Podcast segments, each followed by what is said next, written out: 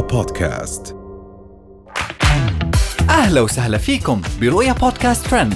كل إشي بتحتاجوا تعرفوه عن آخر أخبار النجوم والمشاهير وأهم ترند صدر لهذا الأسبوع.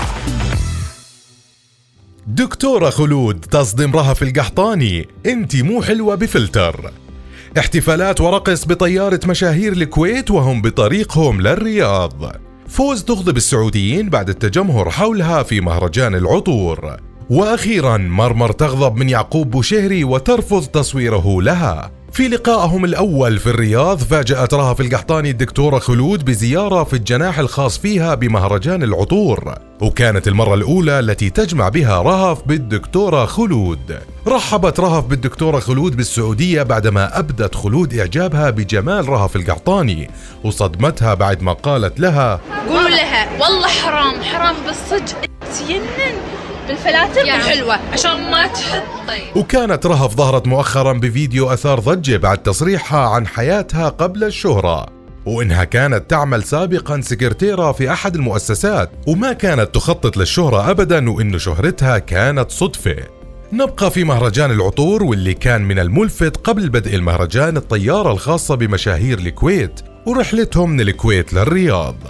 حيث كانت رحلة ملفتة ومميزة خاصة بعد ما شارك جميع المسافرين على متنها بالاحتفالات والرقص التي لفتت فيها آلاء النهدي اللي تميزت بقيادتها للفعاليات على الطيارة. وعلى أثر الفيديوهات المنشورة انهالت التعليقات على تصرفات آلاء النهدي ورقصها أمام الشباب في الطيارة وآخرين انتقدوا غنائهم وتفاخرهم بانتمائهم للكويت. في حين توجههم للسعودية فقال أحدهم يضحكون من حركاتها والرجال مستحين من حركاتها. بجد مسكينة فاهمة العفوية غلط. الله يهديها صارت أوفر ما كانت كذا. شكلها تعاند عشان ما يقولون تحسفت بعد حفلة دبي. وقال آخر والله ما أدري فايدة الحجاب وهي تترقص قدام الريايل فعلا لا حيا ولا مستحى.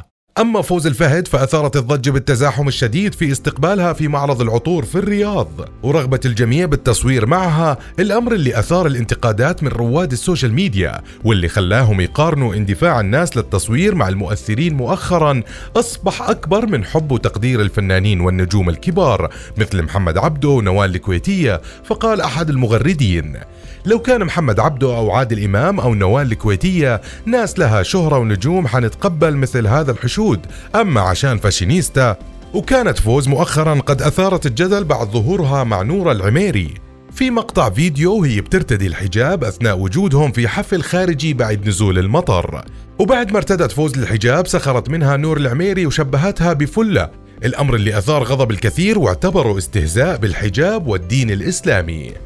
وأخيرا مرمر اللي اثارت ضجه كبيرة بعد ما خلعت حجابها الأمر اللي جعل يعقوب بوشهري يستغل الفرصة ويتصور معها سيلفي في مهرجان العطور في الرياض بدون فلتر بعد ما انصدم بشكلها بدون حجاب. وتباينت الآراء حول شكل مرمر الجديد فقال أحد المغردين بعيدا عن أي شيء بس ليتها ما شالته أول شكلها أحسن.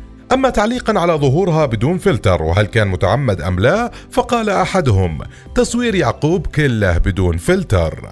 وهاي كانت أهم أخبارنا لليوم. بنشوفكم الحلقة الجاي. رؤيا بودكاست.